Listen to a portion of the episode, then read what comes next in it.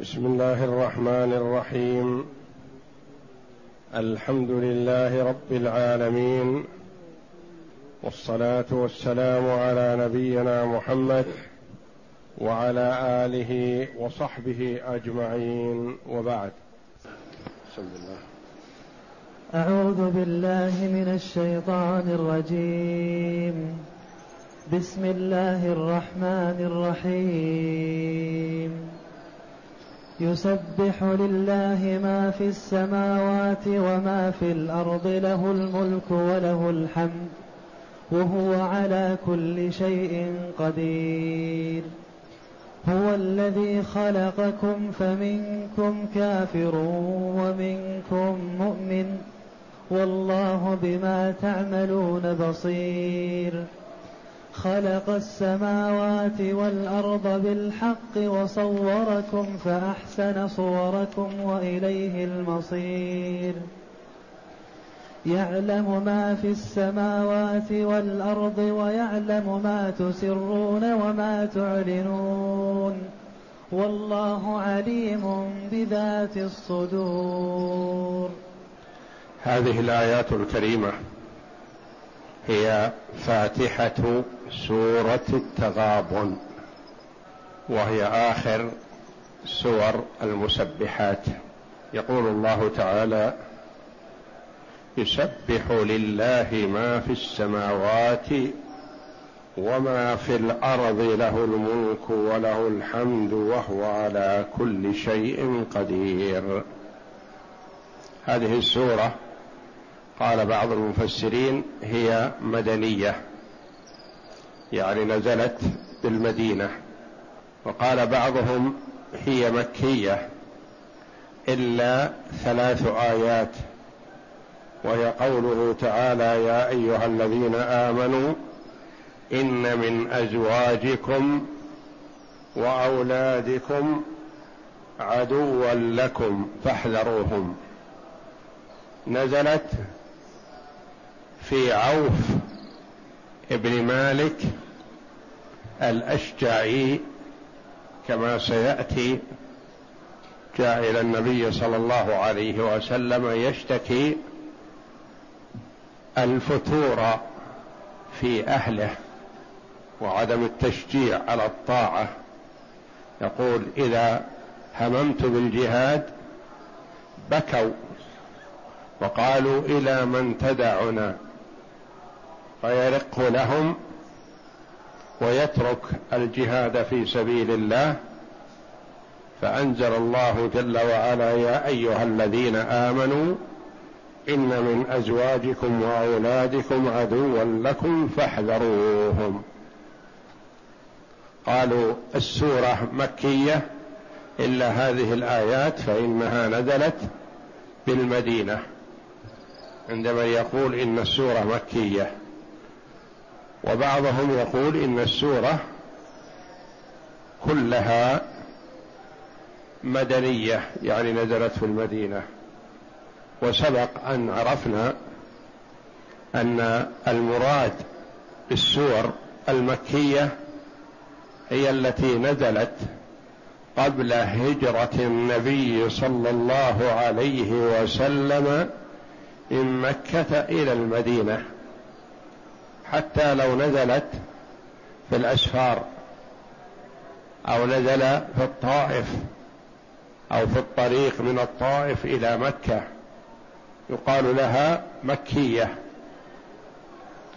وما نزل من القرآن بعد هجرة النبي صلى الله عليه وسلم من مكة إلى المدينة يسمى مدني حتى لو نزل بمكة.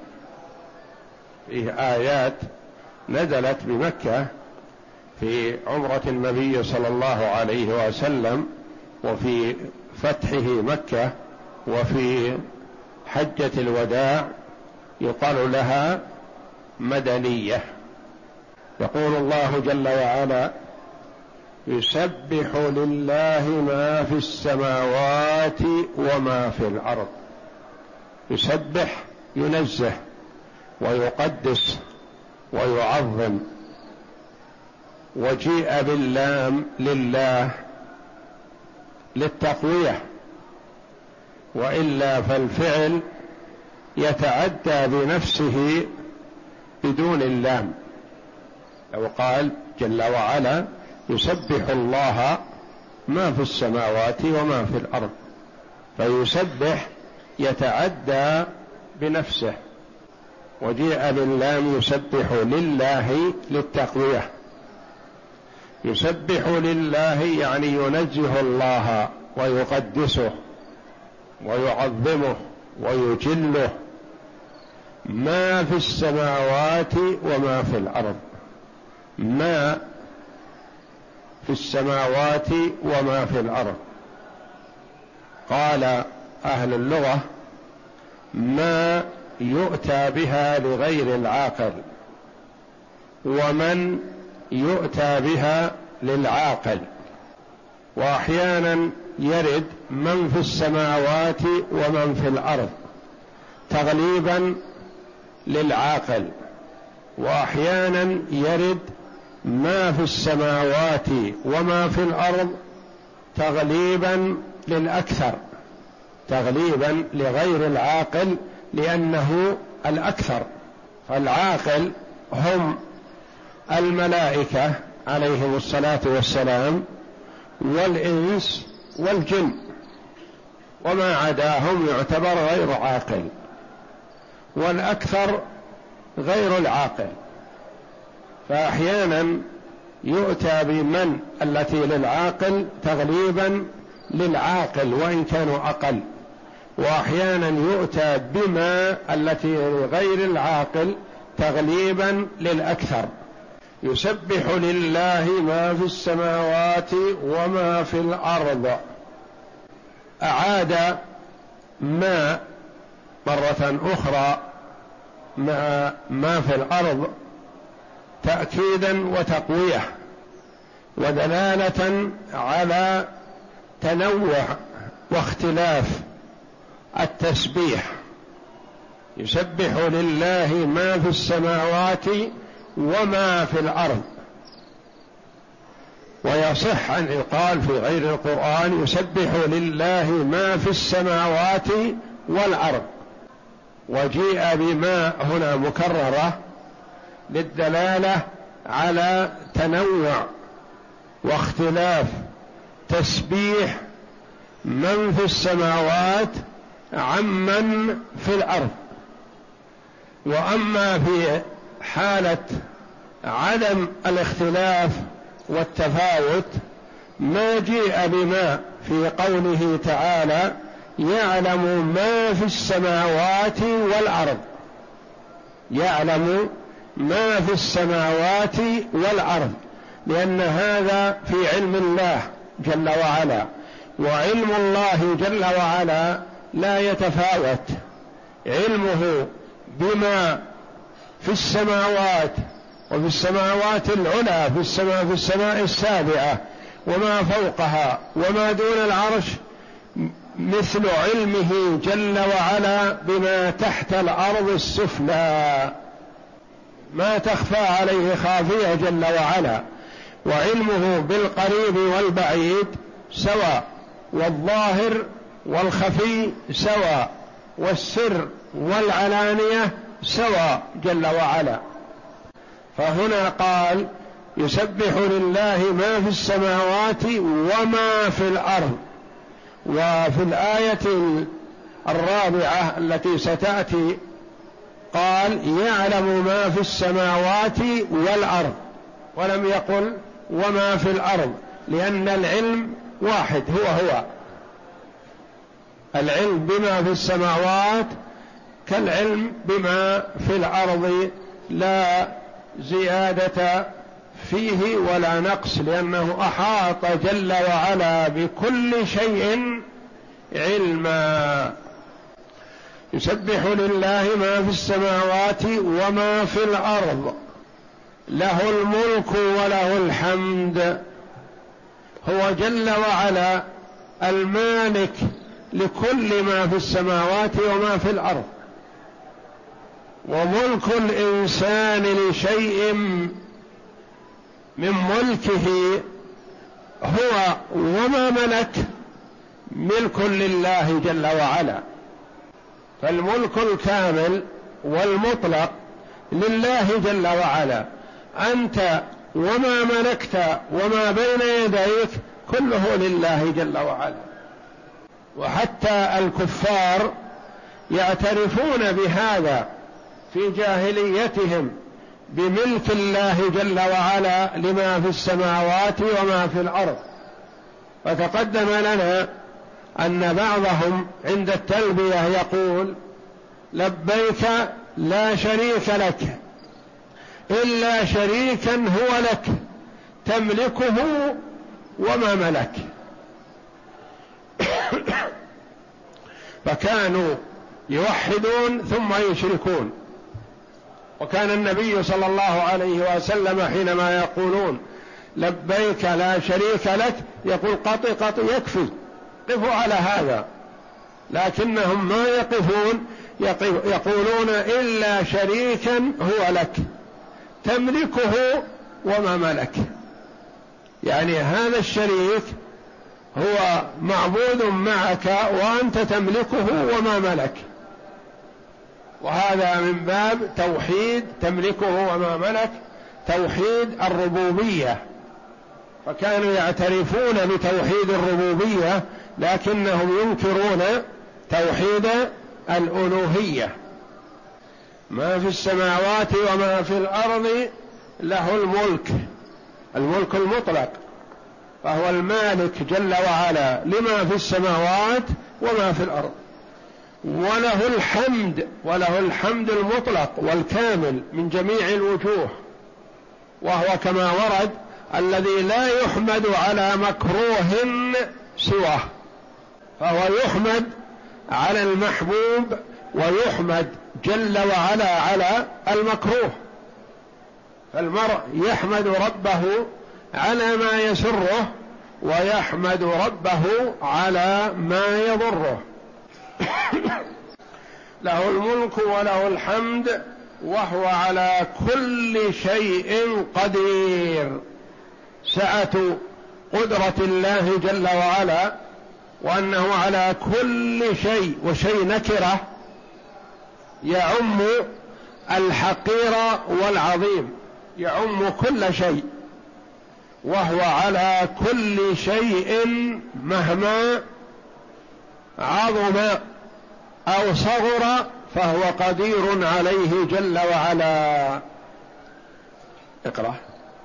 هذه السورة هي آخر المسبحات وقد تقدم الكلام على تسبيح المخلوقات لبارئها ومالكها. ولهذا قال تعالى له الملك وله الحمد. أي هو المتصرف في جميع الكائنات المحمود على جميع ما يخلقه ويقدره وهو على كل شيء قدير. أي مهما أراد كان بلا ممانع ولا مدافع وما لم يشأ لم يكن. هو, هو الذي خلقكم فمنكم كافر ومنكم مؤمن. هو الذي خلقكم. هو الذي أوجدكم من العدم إلى الوجود جل وعلا. فمنكم كافر ومنكم مؤمن. هو الذي خلق الخلق وقسمهم لحكمة بالغة فجعل منهم المؤمن برحمته وإحسانه ولطفه بعباده. وجعل منهم الكافر بعدله وحكمته وهو جل وعلا لا يظلم الناس شيئا. هو الذي خلقكم فمنكم كافر ومنكم مؤمن. منكم من خلق من أول خلقه على أنه كافر. ومنكم من خلقه الله جل وعلا من أول أمره على أنه مؤمن. والله جل وعلا يعلم ما العباد عاملون قبل أن يخلقهم. يعلم جل وعلا أن هذا يؤمن ويطيع الله. ويعلم جل وعلا أن هذا يكفر ويعصي الله. والمؤمن يؤمن بتوفيق الله وباختياره ورغبته وتوجهه إلى الخير. والكافر يكفر باختياره ورغبته وميله إلى الكفر والشر. والله جل وعلا لا يظلم الناس شيئا. ولحكمة أرادها الله جل وعلا قسم الخلق إلى مؤمن وفاجر. لتظهر حكم وأسرار عظيمة. ولتظهر آثار رحمة الله جل وعلا بعباده المؤمنين ولتظهر آثار عدله جل وعلا وانتقامه وتعذيبه لمن عصاه وأعرض عن طاعته. والعبد ليس مجبر على الطاعة ولا مجبر على المعصية. بل له عقل وإدراك. والله جل وعلا أقام الحجة على الخلق بإرسال الرسل وإنزال الكتب وهبة العقل والإدراك. وكما تقدم لنا أكثر من مرة التمثيل برجلين مررت بهما فأيقظت الأول وقلت له قد أذن لصلاه الفجر فقم يا أخي للصلاة. فقام وقال جزاك الله خيرا أثابك الله. أنا كنت مستغرق في النوم ما علمت وما سمعت الأذان. ودعا لك بخير وقام وتوضأ وذهب إلى المسجد وأدى الفريضة. منشرحة نفسه طيب خاطره محتسب ثواب الله جل وعلا. هل هذا مجبر على الطاعة؟ مسوق استعنت عليه بجنود يسوقونه إلى الطاعة؟ لا. أدرك المصلحة وفقه الله فقام وعمل الطاعة. آخر مررت به وقلت له قم. قد أذن لصلاة الفجر فتوضا وصل فشتمك. وسبك وقال لست علي برقيب ولست موكل عني علي وعلي جرمي وتكلم عليك ووبخك ونام. هل هذا مجبر على معصيته هذه؟ لا. هل بين يديه أناس وطأوا على رجليه ويديه حتى لا يقوم. لا إنما هذا باختياره. أبى الخير ورده ولم يقبله. هذا وذاك الله جل وعلا يعلم ازلا ما سيقول لك هذا وما سيقول لك هذا. لأن الله جل وعلا يعلم ما العباد عاملون وقائلون ومعتقدون قبل أن يخلقهم. قبل أن يخلق السماوات والأرض بخمسين ألف سنة خلق الله القلم وقال له اكتب. قال يا رب ما أكتب؟ قال اكتب ما هو كائن إلى يوم القيامة. قبل أن يخلق السماوات والأرض بخمسين ألف سنة. فالله جل وعلا أقام الحجة على الخلق بإرسال الرسل وإنزال الكتب وهبة العقل والإدراك. المجنون ما غير مكلف. فمن أطاع فبتوفيق الله جل وعلا. ومن عصى فقد اختار المعصية. والله جل وعلا لا يخفى عليه ازلا أنه يعصي الله.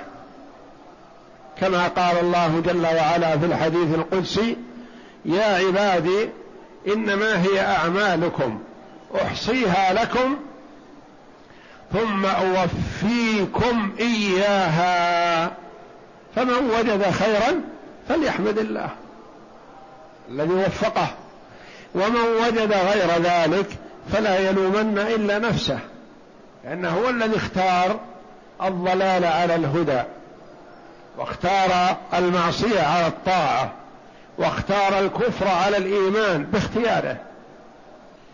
هو الذي خلقكم فيها الاعتراف بتوحيد الربوبية. توحيد الربوبية هو أن نوحد الله جل وعلا بأفعاله الخلق والرزق والاحياء والاماته وتوحيد الألوهية أن نوحد الله بأفعالنا يعني ما يصدر منا من صلاة وصيام وعبادة ودعاء وتوجه وتوكل وما يصدر منا نوحد ربنا فيه.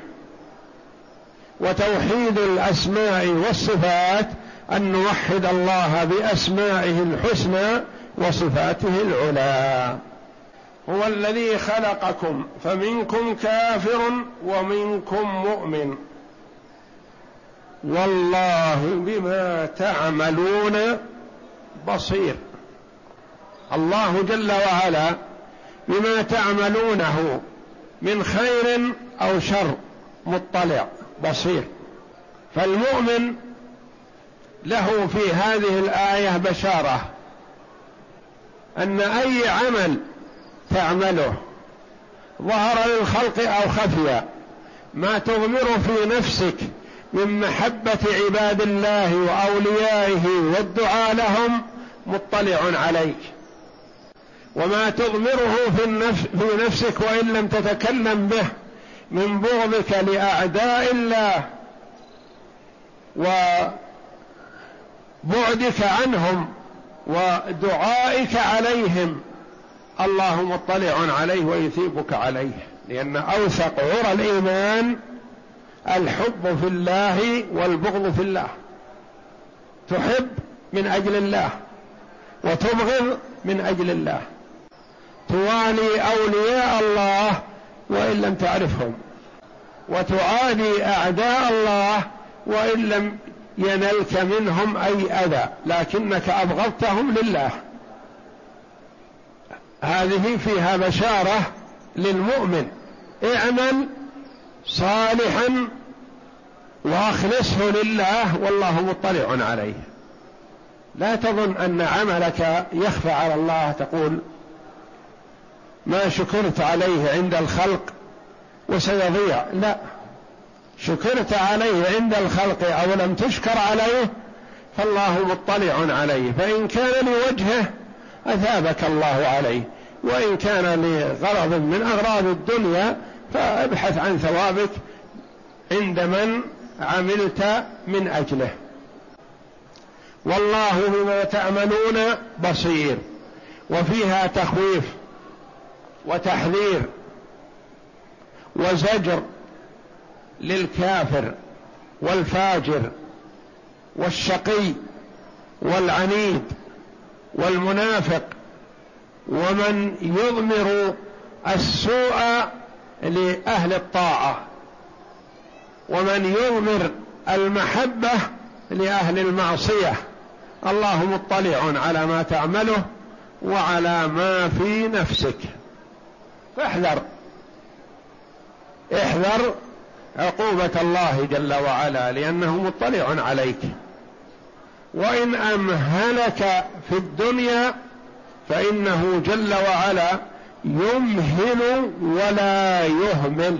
يمهل الفاجر والكافر والشقي والعنيد والمتسلط على عباد الله يمهله ولا يهمله لأنه لا يفلت من يده. المخلوق يستعجل بالعقوبة. لما؟ لأنه يخاف الإفلات. لكن الله جل وعلا لا يستعجل بالعقوبة لأن الخلق لا يفلتون من يده. تعالى وتقدس. ما أحد يفلت من يده. ابن آدم إذا صار وجد له عدو يحب أن يسارع في الانتقام منه. يخشى أن يفوت عليه. اليوم بإمكانه وغدا ليس بإمكانه. فيسارع في العقوبة ويستعجل خشية الفوات. وأما الله جل وعلا فالخلق كلهم في قبضته وفي يده ما يفلتون منه. فهو جل وعلا يمهل ولا يهمل. يملي للظالم فإذا أخذه أخذه أخذ عزيز مقتدر. لا تقل مثلا في نفسك كيف يقر الله هذا المتسلط هذا العنيد هذا الذي يؤذي عباد الله. كيف يقره جل وعلا؟ يقره يملي له ليزداد اثما على إثمه. فإذا أخذه أخذه أخذ عزيز مقتدر جل وعلا. والله بما تعملون بصير يعني مطلع عليكم على أموركم كلها صغيرها وكبيرها ظاهرها وخفيها وما لم يظهر للناس. نعم. هو الذي خلقكم فمنكم كافر ومنكم مؤمن أي هو الخالق لكم على هذه الصفة وأراد منكم ذلك فلا بد من وجود مؤمن وكافر. وهو البصير بمن يستحق الهداية ممن يستحق الضلال وهو شهيد على أعمال عباده وسيجزيهم بها أتم الجزاء. ولهذا قال تعالى والله بما تعملون بصير خلق السماوات والأرض بالحق بالعدل جل وعلا لا جور ولا حيف بل بالعدل والإتقان والحكمة سبحانه وتعالى. خلق السماوات والأرض بالحق وصوركم. صوركم فأحسن صوركم. هذا فضل من الله وإحسان. صوره الآدمي أفضل صور مخلوقات الله جل وعلا في هذا الأرض. ما فيه في الأرض أفضل وأطيب وأحسن من صوره ابن آدم. جعله الله جل وعلا على هذه الصورة الحسنة بفضله وإحسانه. فليس هناك آدمي يتمنى أن يكون على صورة كذا. لا يتمنى أن يكون على صورة حصان ولا على صورة فيل ولا على صورة أي مخلوق. إنما هو على هذه الصورة التي هي أحسن الصور. فأحسن صوركم. قد يقول قائل نعم هذا في الكثير من خلق الله لكن يوجد في خلق الله من هو مشوه من هو قبيح الصورة والشكل. مثلا لحكمة هذا يقال حسن الصورة؟ نقول نعم هذا حسن الصورة. مهما كان من صورة لابن آدم فهو أحسن من سائر الحيوانات. ايا كان شكله فهو لا يتمنى أن يكون على صورة حيوان آخر ابدا. خلق السماوات والأرض بالحق وصوركم فأحسن صوركم. ثم نبه العباد لأمر المرجع والمآب. هذا فيه حفز للهمم ودفع للنفوس بالعمل الصالح والإقبال على الله لأنك صائر إليه. المرء قد يتغاضب مع شخص آخر ولا يبالي به لأنه يحاول أن يفلت من يده. والإنسان مهما حاول لن يفلت من قبضة الله جل وعلا فإليه المصير. فاعمل الصالحات لتدرك لتجني الخير أو تعمل الشر لتجني الشر. وهذا بفعلك. فإذا أيقن المؤمن أنه صائر إلى الله جل وعلا جد واجتهد في العمل ليجده. والذي يترك العمل بالطاعة هذا عنده شك من لقاء الله جل وعلا. ولهذا جعل الله جل وعلا الإيمان باليوم الآخر أحد أركان الإيمان الستة. الإيمان باليوم الآخر الذي هو لقاء الله والمصير إلى الله جل وعلا. أحد أركان الإيمان الستة التي لا يتم إيمان المرء حتى يؤمن باليوم الآخر يصدق باليوم الآخر. فالكفار لا يؤمنون باليوم الآخر لا يؤمنون بالبعث. ولهذا إذا مات الشخص قالوا إلى مثواه الأخير. وهذه العبارة لا يصح أن يقولها المؤمن لأن المؤمن يؤمن بأن هذا القبر ليس هو المثوى الأخير. هذا منزلة بين منزلتين. هذا دار البرزخ فالدور ثلاث دار الدنيا ودار البرزخ ودار الآخرة. فالمؤمن إذا انتقل من دار الدنيا إلى دار البرزخ ليس إلى المثوى الأخير بل إلى المرحلة الوسطى. والأخيرة ستأتي اليوم الآخر سماه الله جل وعلا في آيات كثيرة من كتابه اليوم الآخر. أما الموت فليس اليوم الآخر وإنما هو أوسع وأشمل من الدنيا لأن الدور تتفاوت. ومواطن الإنسان أولها مثلا الرحم. وهو اضيقها ثم يخرج إلى الدنيا وهي أوسع. ثم يخرج إلى دار البرزخ وهي أوسع من دار الدنيا.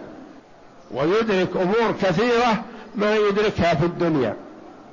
وتصعد نفسه وتنزل وتنعم وتعذب. وأمور عظيمة يدركها إذا مات ما يدركها قبل ذلك. ثم الدار الآخرة الجنة أو النار. وهي دار المستقر. فهي أوسع وأعظم نعيم من دار البرزخ. لأن دار البرزخ دار نعيم أو عذاب لكنه محدود. لأن القبر كما ثبت في الحديث الصحيح روضة من رياض الجنة أو حفرة من حفر النار والعياذ بالله. وإليه المصير يعني إلى الله جل وعلا المرجع والمآب. فاستعد أيها العاقل لهذا اللقاء. نعم. خلق السماوات والأرض بالحق أي بالعدل والحكمة وصوركم فأحسن صوركم أحسن أشكالكم كقوله تعالى يا أيها الإنسان ما غرك بربك الكريم الذي خلقك فسواك فعدلك في أي صورة ما شاء ركبك.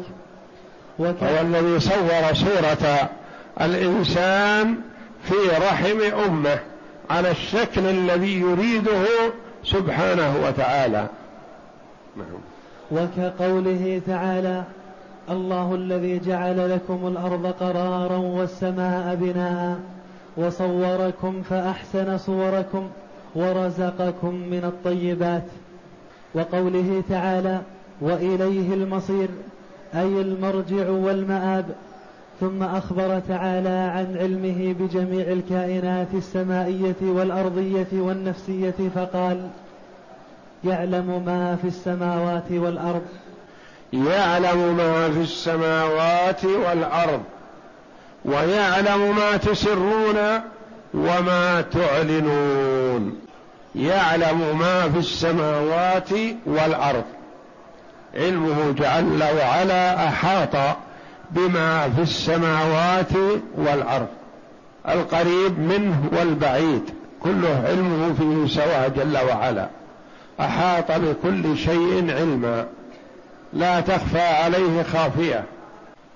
وعنده مفاتح الغيب لا يعلمها إلا هو ويعلم ما في البر والبحر وما تسقط من ورقة إلا يعلمها ولا حبة في ظلمات الأرض ولا رطب ولا يابس إلا في كتاب مبين. يعلم ما في السماوات والأرض. هنا ما كرر ما جل وعلا لأن علمه بما في السماوات كعلمه بما في الأرض سواء. أحاط بكل شيء علما. يعلم ما في السماوات والأرض ويعلم ما تسرون وما تعلنون. وورد إثبات علم الله جل وعلا في ثلاث فقرات هنا. ومنكم ومنكم كافر ومنكم مؤمن والله بما تعملون بصير. ثم قال يعلم ما في السماوات والأرض. ثم قال ويعلم ما تسرون وما تعلنون. كل واحدة أخص من التي قبلها.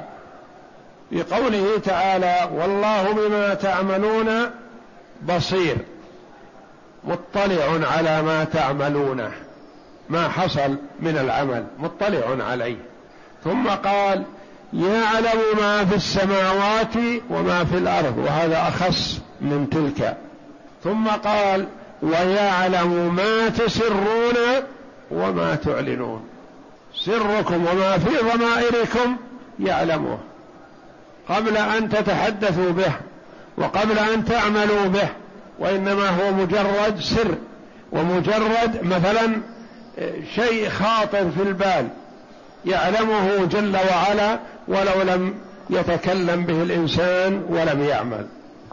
قال جل وعلا ولقد خلقنا الإنسان ونعلم ما توسوس به نفسه ونحن أقرب إليه من حبل الوريد.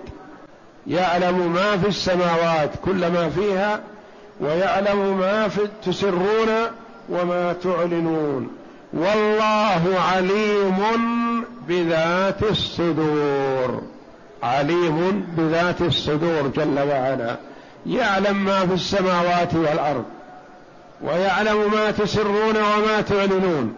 والله عليم بذات الصدور. يعلم ما في السماوات وما يعلم ما في السماوات والأرض هذا عام. الظاهر والخفي. ويعلم ما تسرون وما تعلنون. الإعلان ما يقوله الإنسان أمام الملأ. والسر ما يخاطب به واحدا أو اثنين. أو جماعة يتخيرهم ليسر إليهم. ثم يأتي ما هو أخص من هذا وذاك وهو والله عليم بذات الصدور اللي ما أطلعت عليه أحد لا صغير ولا كبير بنفسك. أضمرته في نفسك من خير أو شر. قد يضمر الإنسان خير ينوي أن يعمل عملا صالحا ويخفيه عن الناس. الله جل وعلا يعلم ما في ضميرك. ويثيبك على ما على ما نويت. فقد ينوي الإنسان أن يعمل عملا صالحا فما يتمكن من ذلك فيكتبه الله جل وعلا له لأنه نواه. وقد ينوي الإنسان أن يعمل العمل السيء فما يتمكن من ذلك فهذا راجع إلى مشيئة الله جل وعلا. إن شاء عاقب عليه عبده وإن شاء عفى عنه. لأنه ورد العقوبة على ما يضمن الإنسان في نفسه كما في قوله تعالى عن المسجد الحرام هذا شرفه الله ومن يرد فيه بإلحاد بظلم نذقه من عذاب أليم. يقول الإمام أحمد رحمه الله لو أن شخصا بعدن أضمر الإلحاد في الحرم أكبه الله على وجهه في النار. هو بعيد يعني بعيد عن الحرم لكنه أراد الإضمار أضمر شيئا للحرم أو لأهل الحرم. أكبه الله جل وعلا على وجهه في النار. فقد يعاقب الله جل وعلا على الإرادة إرادة الشيء وإن لم يتمكن منها. كما قال صلى الله عليه وسلم إذا التقى المسلمان بسيفيهما فالقاتل والمقتول في النار. قالوا يا رسول الله هذا القاتل فما بال المقتول؟ مقتول وفي النار؟ قال نعم. لما؟ لأنه كان حريصا على قتل صاحبه. حريص على الشر لكن ما استطاع. والله عليم بذات الصدور يعني بما في الصدر بما في القلب. ما الذي لم يطلع عليه أحد لا صغير ولا كبير. لما أسر العباس رضي الله عنه في غزوة بدر قال له النبي صلى الله عليه وسلم افد نفسك وابني أخويك لأنك عندك مال أنت غني. قال ما عندي شيء أنا فقير وما أملك شيء وتضطرني إلى أن أستدين أو ما عندي ما شيء أفتي به نفسي. قال عليه الصلاة والسلام المال الذي أعطيته أم الفضل وأوصيتها بحفظه حينما أردت التوجه مع الكفار لمحاربة رسول الله صلى الله عليه وسلم والمسلمين. فقلت لها احفظيه إن رجعت إليك وجدته. وإلا أنفقيه على نفسك وعلى أولادي. قال أشهد أن لا إله إلا الله وأشهد أن محمدا رسول الله. والله ما اطلع على هذا إلا أم الفضل حتى أقول ام الفضل في مكة والرسول في المدينة. لكن جاء الخبر من الله جل وعلا الذي يعلم السر وأخفى. يحصل وقائع كثيرة يسرها المرء في نفسه أو يحدث بها واحدا أو اثنين يطلع الله جل وعلا عليها رسوله صلى الله عليه وسلم. والآخر الذي يمشي خلف النبي صلى الله عليه وسلم يريد قتله وهو كأنه يدافع عنه. يمشي معه في المعركة كأنه يدافع عنه وهو يتحين الفرصة ليقتله. أخبر الله جل وعلا رسوله صلى الله عليه وسلم بما في نفس هذا الأمر هذا الرجل. فوضع الرسول صلى الله عليه وسلم يده الشريفه على صدر الرجل حتى وجد بردها بين كتفيه. فزال ما في نفسه من الحقد والبغض والكراهية لرسول الله صلى الله عليه وسلم فصار أحب الناس إليه رسول الله صلى الله عليه وسلم. ما الذي قال له ما الذي في نفسك؟ ماذا تريد؟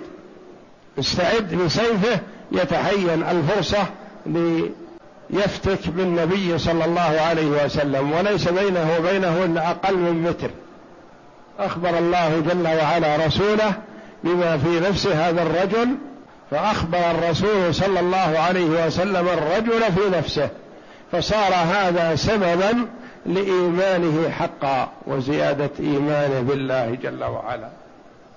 العاقل إذا اطلع على شيء من سعة علم الله جل وعلا ازداد إيمانا على إيمانه. هذا الموفق. يعلم ما في السماوات والأرض ويعلم ما تسرون. الاسرار الذي يكتمه الإنسان يحدث به واحد أو اثنين أو جماعة. وما تعلنون والله عليم بذات الصدور. ما في الصدر ما لم يخبر عنه به أحد. قد يضمر الإنسان شيء مثلا ما يخبر عنه لا ابا ولا ابنا ولا زوجا ولا زوجة ما يخبر به أحد نفسه. الله جل وعلا يطلع عليه يعلم خائنة الأعين وما تخفي الصدور. ولقد خلقنا الإنسان ونعلم ما توسوس به نفسه ونحن أقرب إليه من حبل الوريد. العرقان في جانب الرقبة. نعم. ثم أخبر تعالى عن علمه بجميع الكائنات السمائيه والأرضية. والنفسية فقال تعالى يعلم ما في السماوات والأرض ويعلم ما تسرون وما تعلنون والله عليم بذات الصدور. والله أعلم وصلى الله وسلم وبارك على عبده ورسول نبينا محمد وعلى آله وصحبه أجمعين.